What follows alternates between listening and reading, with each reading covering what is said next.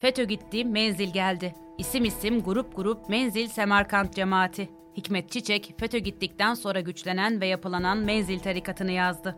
Bir zamanlar FETÖ'nün devlet içindeki örgütlenmesini görmeyenler, görüp de gizleyenler, şimdi de benzerini menzil cemaati için yapıyorlar. Fethullahçıların Tuskan adlı bir iş adamı örgütü vardı. Aslan payı Tuskon'a aitti.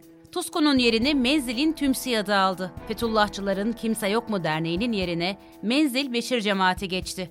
Beşir'i Erenköycülerin Aziz Mahmut Hüdayi Vakfı, İsmail Ağa'nın İddefi ve İskender Paşa'nın Hak Yol dernekleri izledi. Fethullahçıların STV'si tarihe karışırken yerine Menzil'in Semerkant TV'si oturdu. Menzil'in varlığı yalnız Sağlık Bakanlığı'nda değil, İçişleri Bakanlığı'nda da kendini hissettiriyor. İddiaya göre Emniyet Genel Müdürlüğü ve Jandarma Genel Komutanlığı'nda örgütleniyorlar. Hak Yolcular Adalet Bakanlığı'na, İsmail Ağacılar Diyanet'e, Erenköycüler Ticarete, Süleymancılar Kur'an kursları ve öğrenci yurtlarına, Işıkçılar medyaya hükmediyor.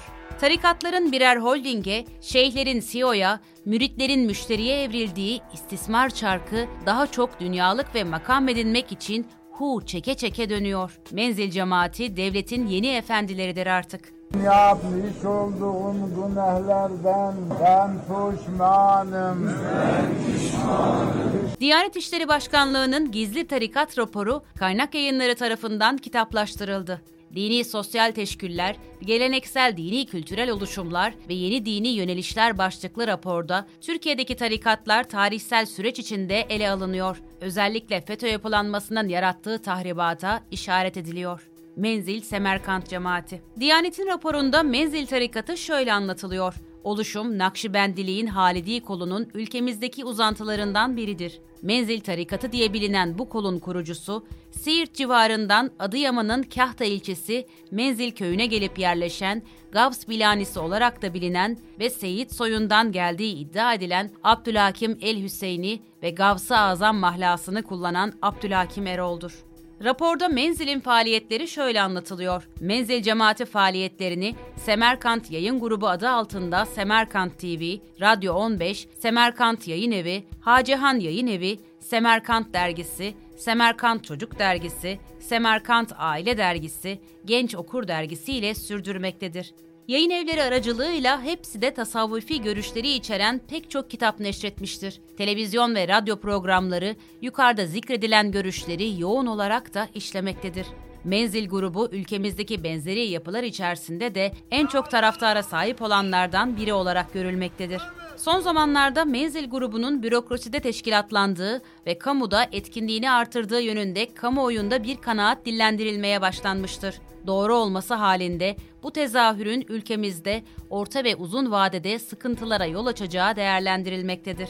1971 yılından beri menzilde olan tarikatın Semerkant Vakfı, Semerkant Holding, Emsen Hastaneleri, Semerkant TV, radyo, dergi, Anadolu ve İstanbul'daki okullar, Biltek Kolejleri ve Kırgızistan'da medreseleri bulunuyor. Tarikatın Semerkant Öğrenci Yurdu adı altında ülke genelinde 150 yurdu var. Menzilcilere bu yüzden Semerkant cemaati de deniliyor. Menzilde özellikle Ramazan ayında ellerinde 99'luk tesbihle dolaşan devletin çok sayıda bürokratını görmek mümkün. TSK içinde örgütlenme. Raporda menzilin bürokraside teşkilatlandığı belirtilmekte ancak TSK içindeki yuvalanmasından hiç söz edilmemektedir. Menzil hakkında raporda olmayanları da biz ekleyelim.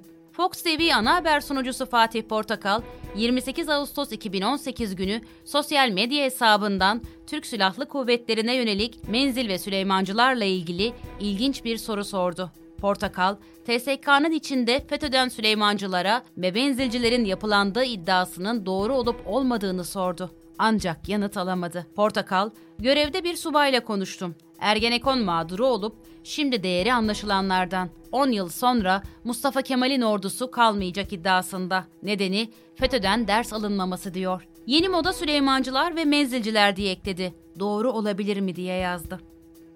Dünün FETÖ'cüsü şimdi menzilci. Devlet içinde FETÖ'nün gücü kırılırken yerini menzilciler almaya başladı. Menzilcilerin etkisini en fazla hissettirdiği bakanlığın Sağlık Bakanlığı olduğu çok yazıldı. Bir dönem Fethullahçılar nasıl sivil ve askeri bürokrasiyi ele geçirdilerse, menzilcilerin de bürokraside güç kazandığı yalnız Sağlık Bakanlığı'nda değil, diğer bakanlıklarda da ve TSK'da da söz sahibi oldukları konuşuluyor. Günün Fethullahçılarının da şimdi menzilin içinde yer almaya başladığı ifade ediliyor. Menzilin mürit sayısının milyonlarca olduğu iddia ediliyor. Bir zamanlar FETÖ'nün devlet içindeki örgütlenmesini göremeyenler, görüp de gizleyenler şimdi benzerini menzil cemaati için yapıyorlar. Bir polisin isyanı. Yeni Çağ gazetesinde 21 Aralık 2017 günü Batuhan Çolak imzalı haberde 10 yıla yaklaşan polislik mesleğinde yüksek lisansını tamamlamış bir polis şunları söylüyor.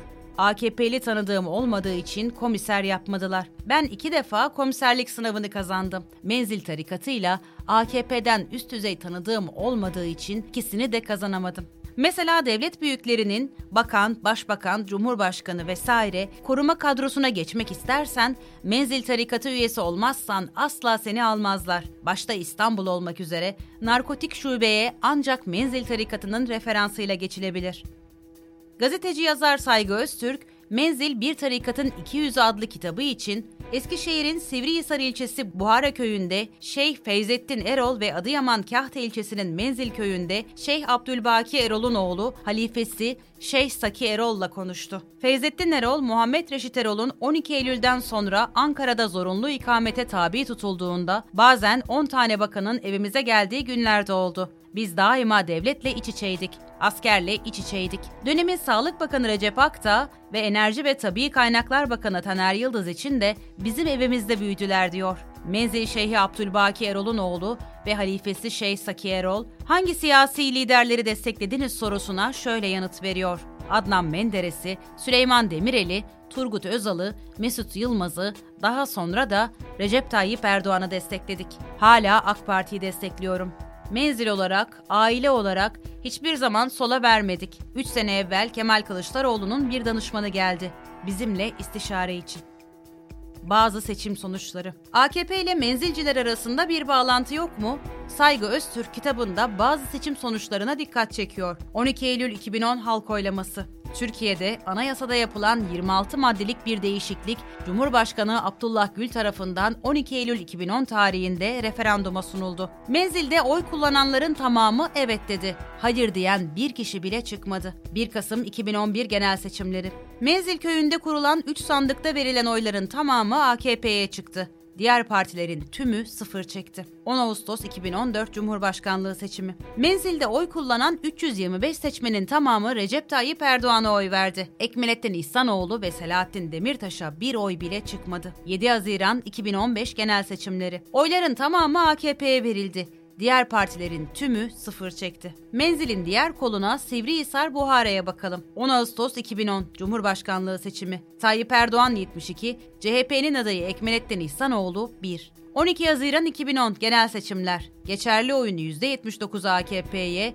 4'ü MHP'ye, diğer partiler sıfır çekti. 1 Kasım 2015 genel seçimler. 60 oy AKP'ye, 1 oy MHP'ye. 24 Haziran 2018 Cumhurbaşkanlığı seçimi. 68 oy Erdoğan'a verildi. Muharrem İnce'ye bir oy bile çıkmadı. 24 Haziran 2018 genel seçimler. 67 oy AKP'ye, bir oy MHP'ye çıktı. Diğer partiler sıfır çekti.